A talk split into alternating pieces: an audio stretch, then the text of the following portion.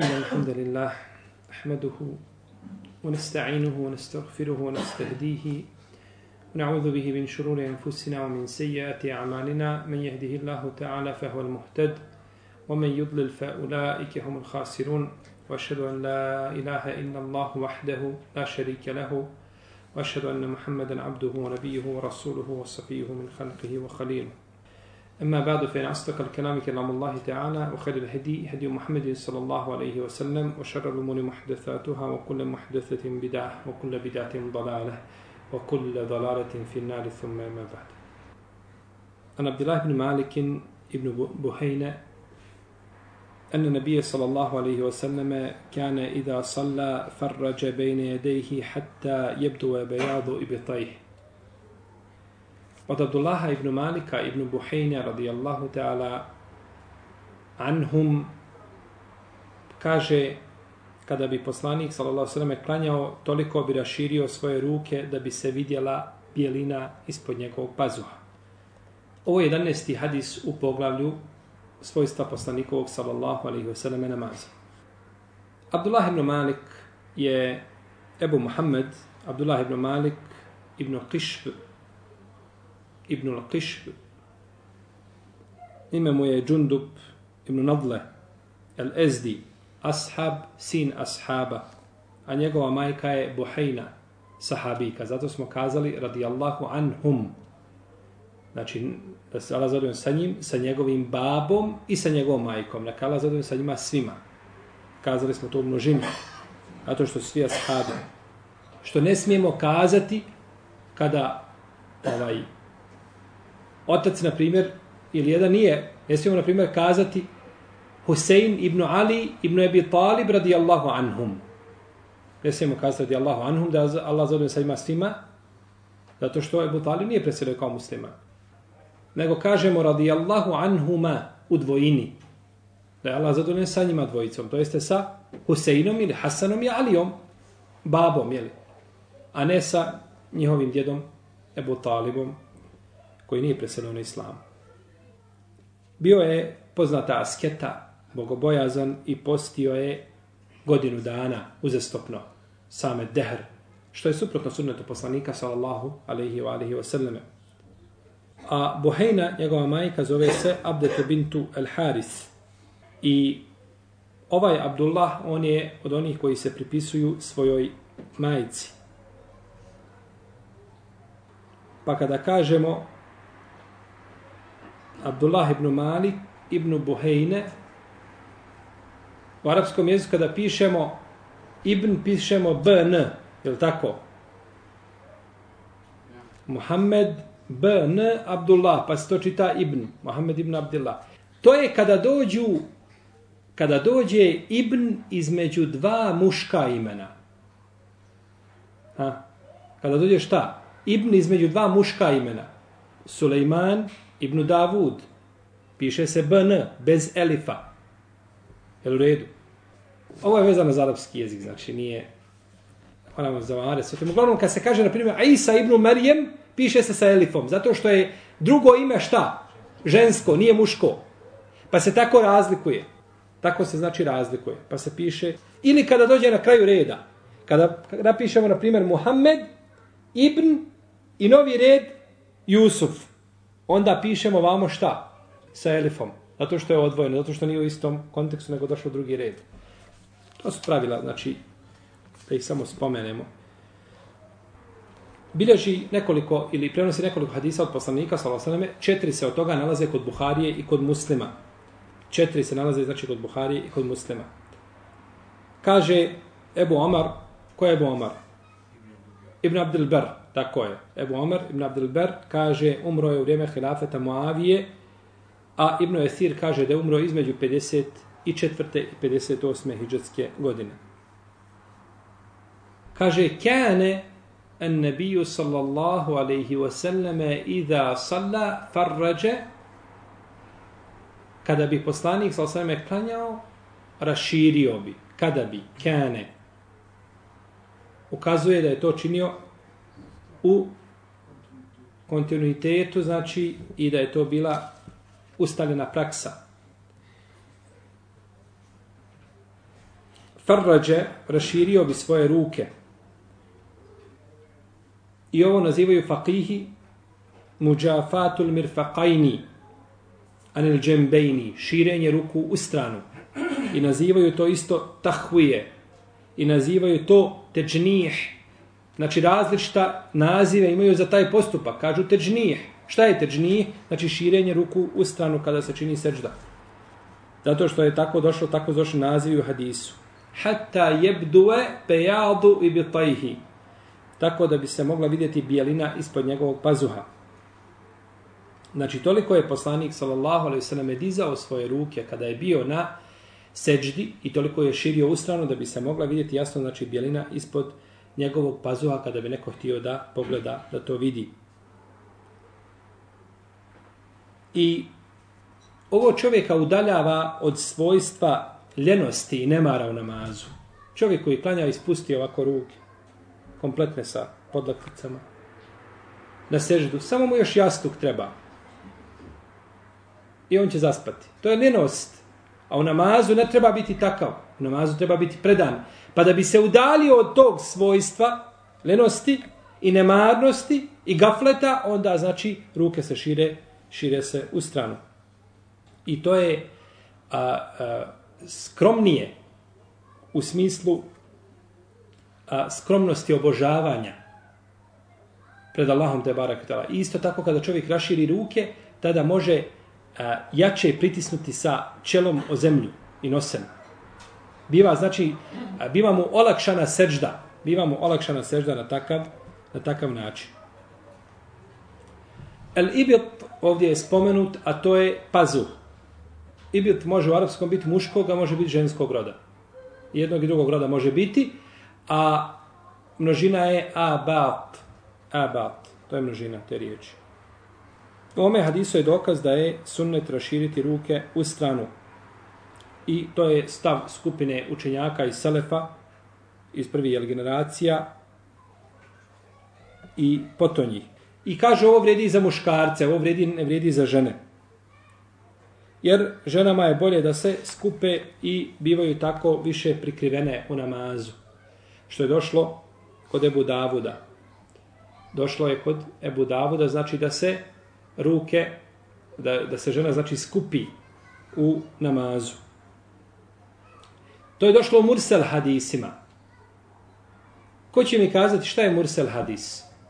Ko će mi kazati definiciju Mursel hadisa? Molim? Nabin koji prenosi tabin koji prenosi od ashaba. Dobro. Ima li drugo mišljenje? Prekinut lanac.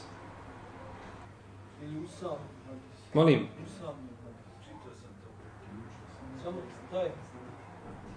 Mursal hadis. Nije to šejh Mursal hadis, hadis kad kaže asab, kad kaže tabin, jedan, jedan hadis, a ne kaže njegov senet. Nekada je njegov sen, ali se podrazumijeva da je sen ispravan jer, jer, jer taj Sen ne dolazi do ashaba. Da nije kad... Evo, kazat će ovaj...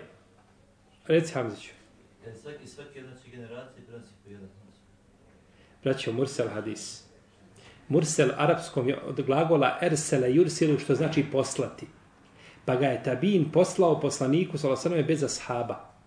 Pa je Mursel hadis kada kaže tabin, rekao je poslanik sallallahu alaihi wasallam. To je Mursel hadis. To je Mursel hadis. Znači, kada tabin prenosi hadis od koga? Od poslanika, sallallahu alaihi wa. Dobro. Neko kaže, ja ću sad napraviti jednu drugu definiciju. Ovo je jedna definicija. Druga definicija, mursal hadis je hadis u kome fali ashab. Je li ispravna definicija? Nije ispravna. Gdje je razlika? Gdje je razlika mi toga kad kažemo fali ashab i kada kažemo, kaže tabin, rekao je poslanik sa osram. Taj tabin se podrazumijeva da, recimo, ako je taj tabin, onda se zna od koga je on učuo hadise. U redu, gdje je razlika? Čuje, znači Kada, braćo, kada kažemo, rekao je tabin, kada kaže, rekao je poslanik sa osrame, ko nam fali u lancu?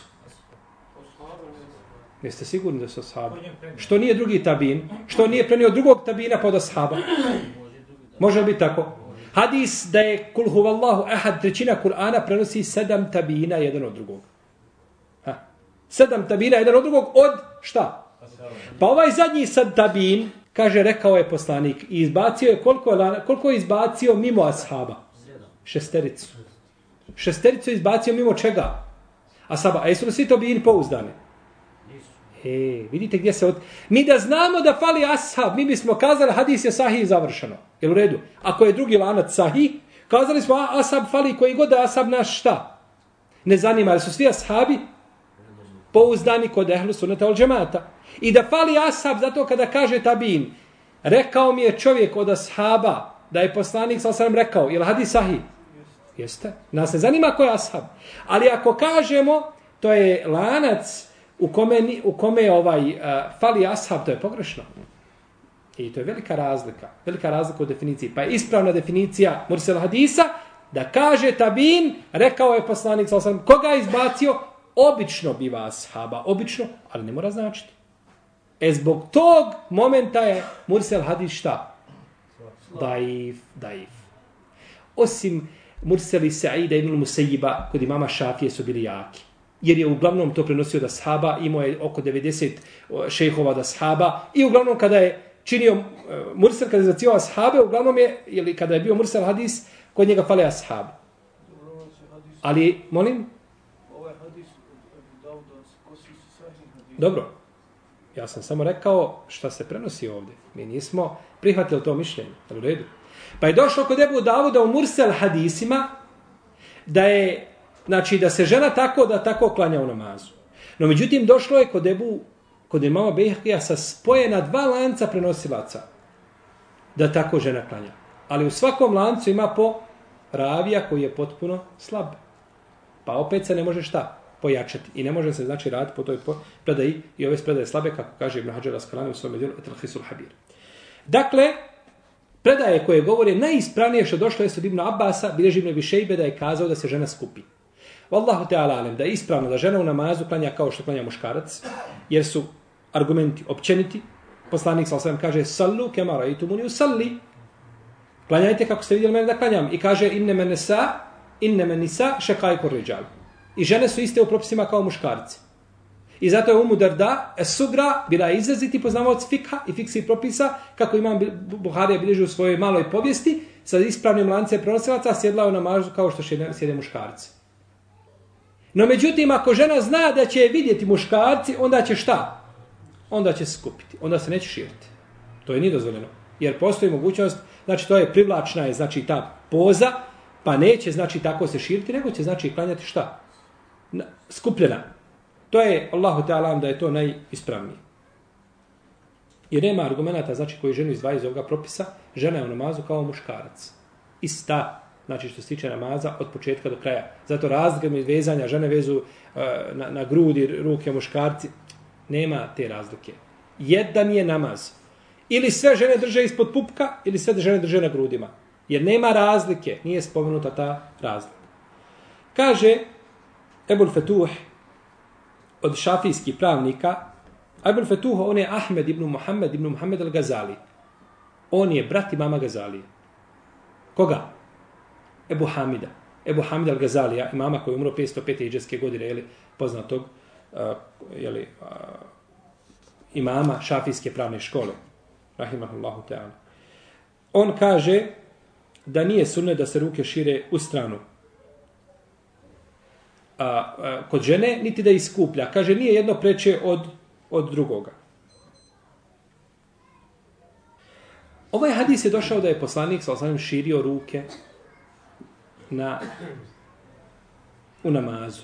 Kane i da salla farrađe bejne jedeji. Kada bi a, a, klanjao, raširio bi svoje, raširio bi svoje ruke. Dobro. Je li spomenuto gdje? Na seždi?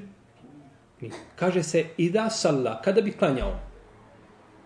Pa kaže neka ulema, ovaj hadis je općeg značenja, pa obuhvata i seđdu i ruku. Može li biti dokaz tako?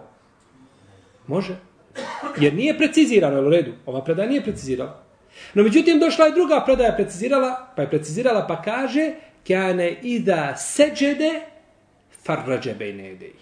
Kada bi učinio seđdu, raširio bi svoje ruke. Je li sada već ograničeno? E, radi se o seđdi. Pa u ovome slučaju ovaj hadis ne može biti argument o širenju ruku na ruku.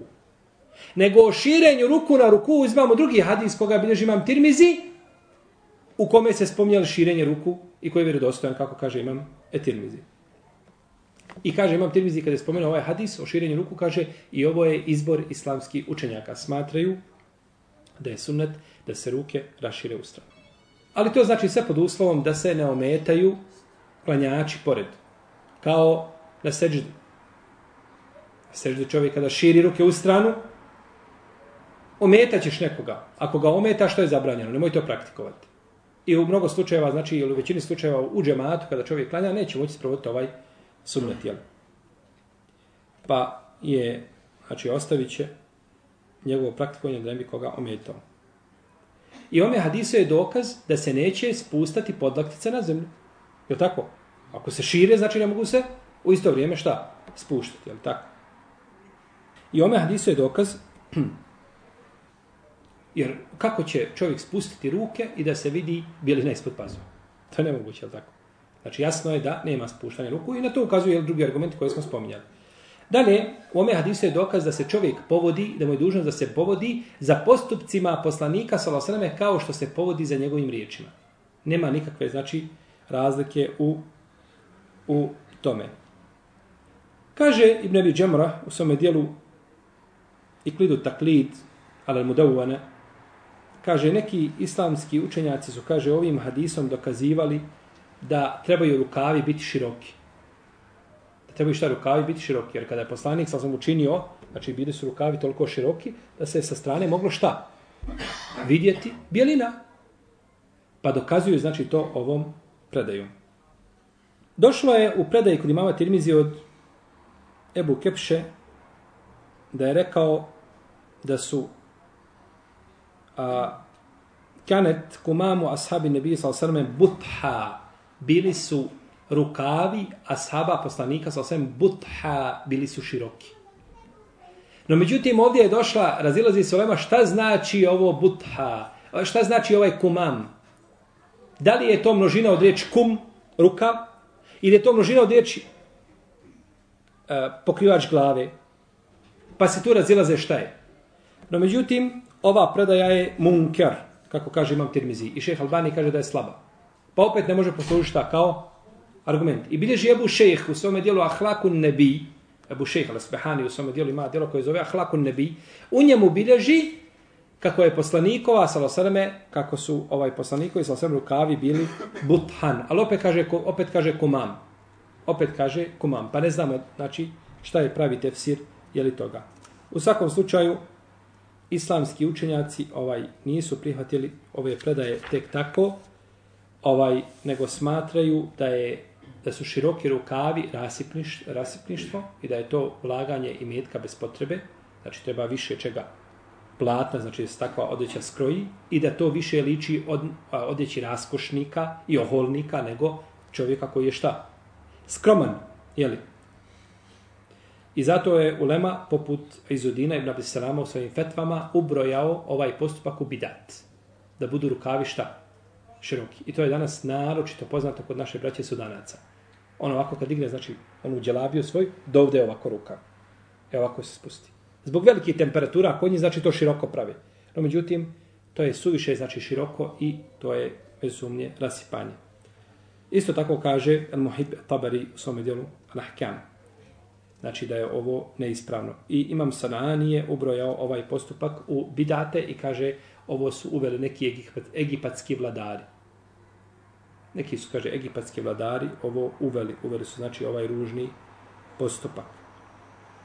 Kada kažemo a, da bi se vidjela bjelina ispod pazuha poslanika, zar to malo ne odudara od a, onoga stida da je poslanik sa stalno bio prikriven i pokriven i da se nije nikada da je bio stidljiviji nego djevica u svojoj odaji i u namazu da se otkrije tako. Pa kaže Ibnul Molekin, nema smetnje da se hadis shvati ovako. Toliko je poslanik, sa osam, širio svoje ruke u stranu, a došlo je u predajama, da je širio u stranu, kažu ashabi, da bi moglo jagnje proći ispod. U drugoj predaji se kaže, mi smo se sažaljevali gledajući poslanika, sa osam, koliko se trudi kada širi ruke u stranu. Slomi se, znači, šireći ruke u stranu. Kako mi kažemo, je simbolično. Ovaj. Pa kaže Ibnul Molekin, ne smeta hadis shvatiti ovako. Toliko je širio svoje ruke u stranu da bi se vidjela bijelina ispod njegovog pazuha da nije imao odjeće. Jel u redu? Pa bi znači bilo da se je vidjelo u slučaju da taj dio nije bio šta? Pokriven. I to je lijepo tumačenje. I to je i savršeno odgovara poslaniku i sa znači njegovom halu i stanju i njegovom znači odjevanju. Allahu Teala. Ja. Nakon toga imamo hadis, a, 12. hadis, a nebi Saleme, Sa'id ibn Jezid, kale, seltu Anas ibn Malik radijallahu anhu, e kana nebiju sallallahu sallam yusalli finalihi, kale nam. Od Ebu, a, od Ebu Mesleme, od Ebu Mesleme, Sa'ida ibn Jezida, prenosi se da je pitao, Enes ibn Malika ili poslanik sa osallam klanjao u svojim papučama, kaže jest. Ebu Mesleme ovaj je Ezdi, El Ezdi. Kada kažemo da je El Ezdi, odakle je? Iz Ezda, bravo. Odakle je? Sinoć smo ga spominjali.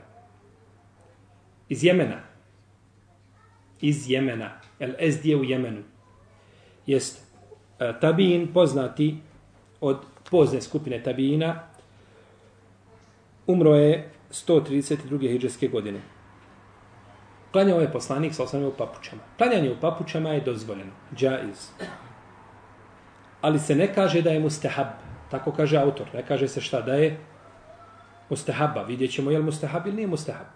Kaže, ne kaže se da je mustahab, jer to izlazi iz okvira odjeće za namaz s jedne strane i s druge strane to nije zinet, nije ukras. Jel neko oboje papuče da se ukrasi? Nije. Nego znači u odjeći biva ukras, a nije u papučama. Neki su komentatori hadisa ovoga govorili, kažu, nema jasnog argumenta da čovjek treba da se uljepša u namazu, tačno. Ima jabeni Ademe, hudu zine, tako vajte, tako ne mesčid. Da se čovjek lijepo obuče kada pođe u džamiju. Ali u namazu da ima jasan argument koji govori da se lijepo obučeš, kažu nema. Nego općim riječima fallahu ehakku en yuteđemmele lehu dokazuju to općim riječima poslanika sa osram kaže Allah je preči da mu se čovjek šta? Uljepša. No međutim, ovo su spomenuli drugi dio hadisa. U prvom dijelu toga hadisa se kaže i da salla ahadukum fel jel bi se obejhi fa inna Allahe hakku en yuteđemmele lehu. Kaže, kada neko od vas klanja neka obuče dvodjelnu odjeću, Allah je preči da mu se uljepšaš. Pa je došao hadis za namaz ili nije za namaz?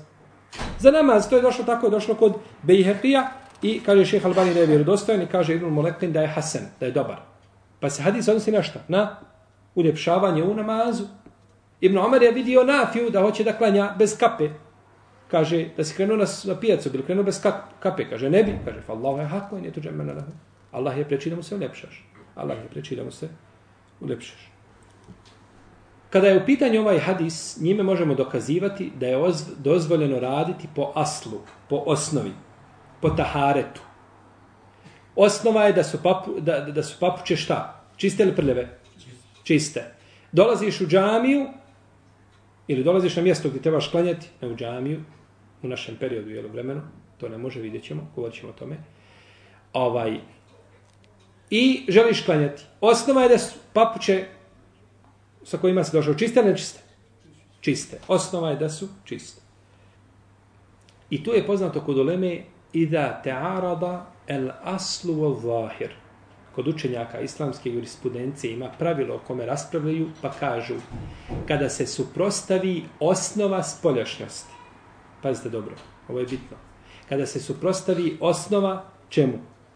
Spoljašnjosti. Osnova kada se suprostavi a, pretpostavki, tada biva osnova jača.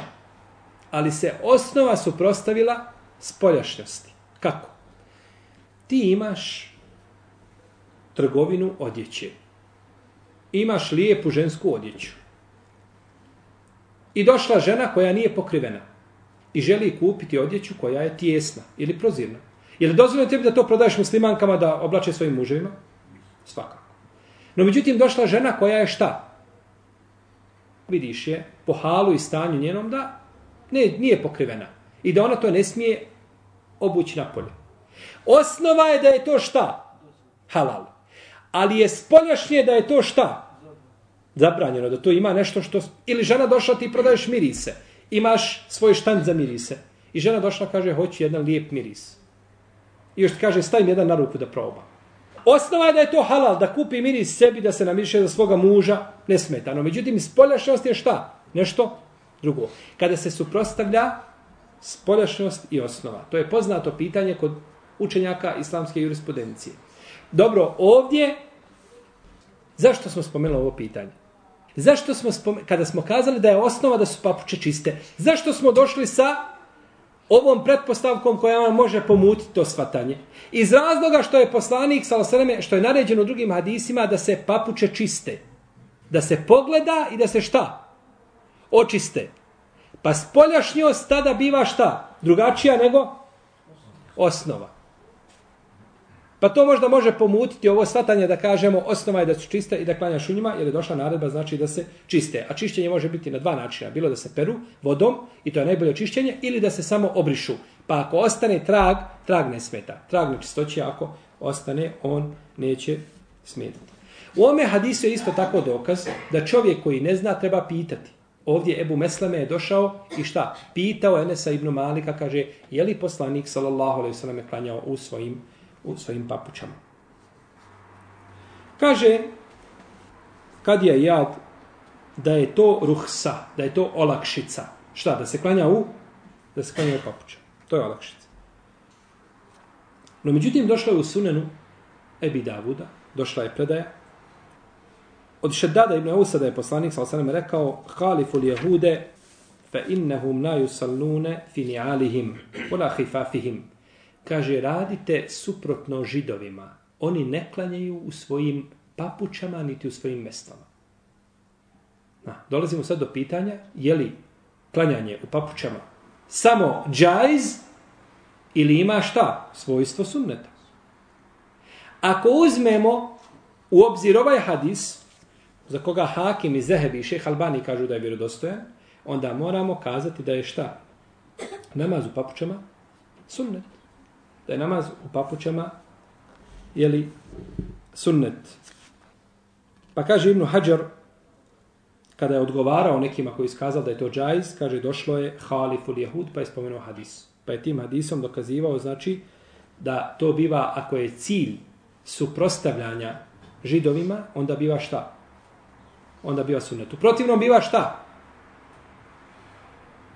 Bidat? Šta biva? Molim? Mubah, džajz. Protivno ti je džajz. A ako želiš, ako nije ti čime šta, da ovaj hadis primjeniš, onda ti je šta? Onda ti je sunet, onda ćeš imati nagradu. Pa dvojica mogu klanjati u papučama, jedan ima nagradu, drugi nema ništa za to. Nego znači ima ispravan namaz i džajz mu je to što uradio, uradio je, znači učinio je mubah.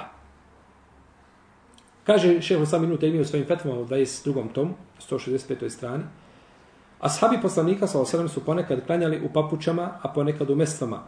I tako je došlo u sunenu Ebu Davuda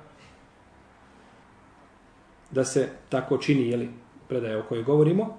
I kaže, ovo je zato što u vrijeme u to vrijeme nisu bili, kaže, nisu bile seđade u džamijama. Nisu bile džamije, znači, prostrte. Znači, šehol islam im temi odgovori jedno bitno pravilo, a to je da se ne može u džamiju ubasati sa papučama i samo klanjaš. Tek tako kaže što je sunnet. I ovo nam dokazuje drugu stvar, to je da je u vrijeme šehol islama ibn Tejmije da su džamije bile, šta?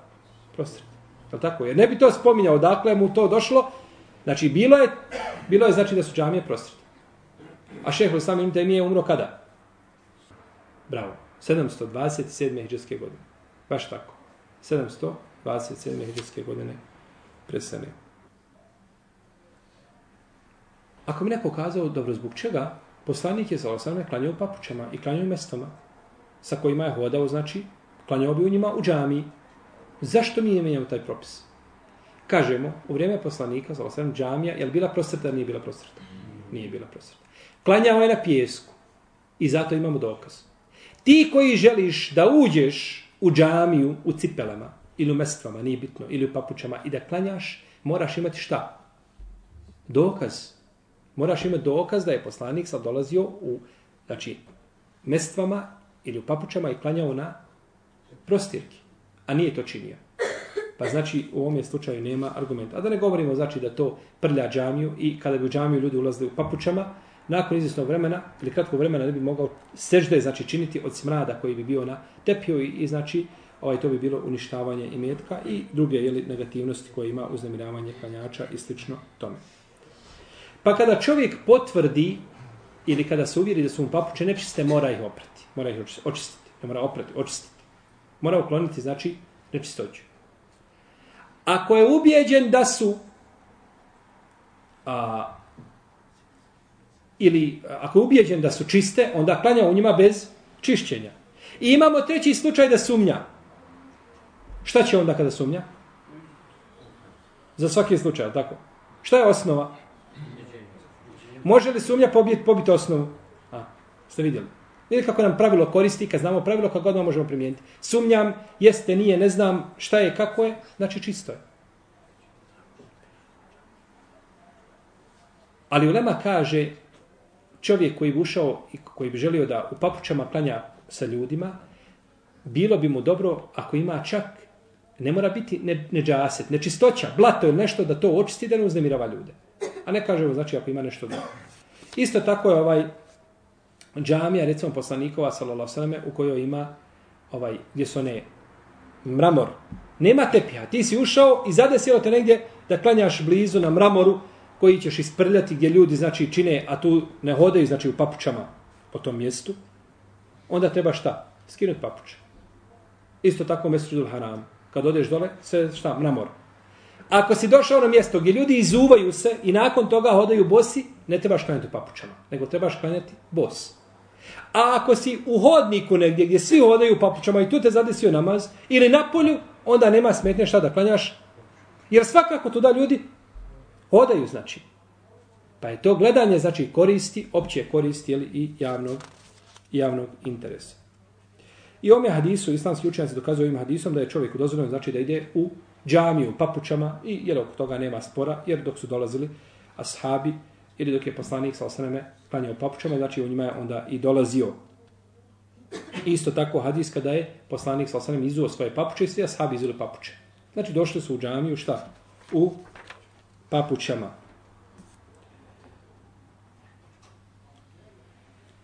Kaže Ibn Abdelber, nema razilaženja među lemom da je dozvoljeno čovjeku da hoda u papučama, osim kada je u pitanju mezarije. Da hoda po mezariju. Jer je došla, došao je tu hadis koji to zabranjuje. Dok drugi kažu, dozvoljeno je radi hadisa, da čovjek kada se spusti u kabur, da mejit čuje zveket njegovih papuča, onih koji odlaze. Jel u redu? Pa kažu, na osnovu toga hadisa je dozvoljeno. Ja ću samo kratko da čitamo hadis koji se tiče ove tematike, a to je hadis Bešira ibn Hasasije, u kome kaže, vidio je Allahov poslanik sa osvame čovjeka koji hoda kroz mezarje u papučama, pa mu je rekao, teško ti se, izuj svoje papuče. I to je ponovio dva ili tri puta. Kada je čuo ovaj ukor od poslanika, sallallahu sallam, izuje svoje papuče i bacio ih. Ovaj hadis bilježe sabirači sunena, ima Mahmed i Tealisi, Tabarani, Tahawi i Bejhek i brojni drugi. I kaže Hakim i Zehebi Albani da je ova predaja vjerodostojna a ima Mahmed i Neovi kažu da je hadis dobar. Kaže Ibnul Kajim u svome dijelu Tehzibu Sunan, to su njegove opaske na Sunan Ibnu Mađe u devetom tomu, kaže nema razilaženja i nikada niko nije prigovorio ovome hadisu. Znači hadis je šta? Sahih bez razilaženja među lemom. Da je poslanik sa osreme osudio čovjeko šta? Da hoda u papučama po mezaru.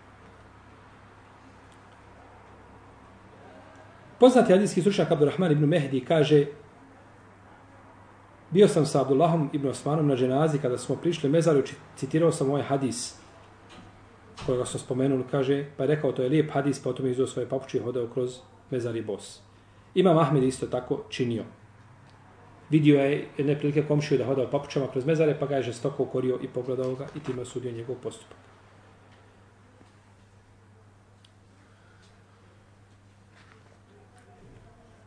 Ovaj hadis koji je jedini po ovoj tematici jasan. Imamo drugi hadis da se kaže Mejt čuje zveket papuča onih koji odlaze nakon što ga kopaju. Dobro. Većina uleme, džumhur uleme, kaže po hadisu da čuju zveket papuča. I kažu može se ući u mezare šta? U papuča. Hadis koji govori o zabrani, je li on jasniji ili hadis koji dozvoljava? Koji je hadis jasniji? Koji zabranjuje? Poslanik, sam sam vidio čovjeka kaže teško ti se. Ha, teško ti se, skidaj papuče. A vamo hadis kaže čuje zveket. Može li biti zveket papuča nakon što iziđu van i obuju paputem? Može biti. Nije spomenuto opće da se radi o ulasku u mezarje sa papučama. Dok je hadis Bešira ibn Hasasije znači vezan tačno za mezarje i naređivanje poslanika sa osam da skine papuče. To je jedno. Pa s te strane biva hadis Bešira jači od hadisa zveketa papuča. U redu. S druge strane, kada u šarijetu imamo jedan argument koji naređuje i drugi koji, jedan koji dozvoljava i jedan koji zabranjuje, kome se daje prednost? Koji zabranjuje? Pravilo u šarijetu. Daje se prednost argumentu koji zabranjuje. Pa je opet hadis Bešira šta? Jači iz te strane. Pa je ovaj postupak ovaj, uh, je li ovo je stav imama Ahmeda, dok većina, kažemo, učenjaka i oni koji su ga sledili, jer o tome kažu da, da to nije sunnet. Kaže Ibn Hajar, hadis koga prenosi Bešir Ibn Hasasi, aludira da je pokuđeno hodati kroz mezari u papučama, to jeste u obući. A Imam Šeukjani, on kaže da je pokuđeno. A nije rekao da je šta? Haram. Imam Šeukjani, nakon što spomenuo ovaj hadis, kaže, citirani hadis ukazuje na zabranu hodanja kroz mezarje u papučama. U svakom slučaju, a, postoji razilaženje a, znači među islamskim učenjacima.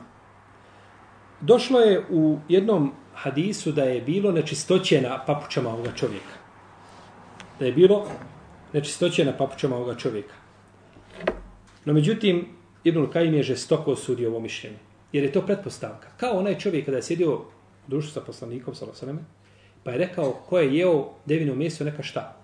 Abdesti. Kaže, jedan je čovjek pustio vjetar, pa je poslaniku, sa bilo neprijatno da kaže ti koji si to i to uradio, promijeni abdest, pa kaže koji ste jeli devino meso, promijenite abdest. To je cirkus. To je cirkus sa vjerom.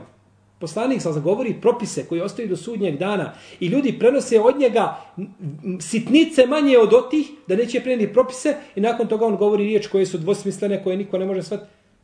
Ko kaže to da je taj čovjek izgubio abdest pa da se je stidio poslanik sa osam kazati tako dalje? Neispravno. Tako isto je u ovom slučaju. Bilo na papučama, kažu nečistoće, to su pretpostavke. Ako tako budemo gledali svaki hadis, možemo tumačiti jeli, i, i dati mu određenu boju ili formu ili dimenziju na osnovu koje ćemo šta odbaciti ga i nećemo postupati po njemu. Pa je, znači, neispravno, e, e, ako je došlo u predajnu, međutim, nema hadisa koji je vjerodostojan. Ima kod El Hakima Etirmizija, nije kod Ebu Ise, autora Sunana, nego El Hakim Etirmizija, on je bio ovaj, više sufijski. Ovaj. On ima svoje djelo koje zove Navadir Lusul. Navadir Lusul. Kaže se, ovaj, da je spomenuto u toj predaji, skini papuče, jer one uznemiravaju mejta, tvoj, tvoj udar papuča uznemirava mejta. Odao si i udarale su papuče. No, međutim, ova predaja isto tako, u Nevadru Rosur ima, znači, belaja predaja, koje su bela i veliki, i mislim da Nevadru Rosur nema ni lanca prenosilaca nikako. Tako da je, znači, nemoguće ispitati ispravnosti, znači, predaja. Imam Hatabi je rekao, jednu lijepu opasku na ovaj hadis, kaže ove papuče eseptije, koje se zove eseptije, su papuče, kaže, koje su bile vrijedne, kvalitetne i koje su samo oblačili ili ovaj obuvali ljudi koji su živjeli ili na visokoj nozi ili visokim standardom.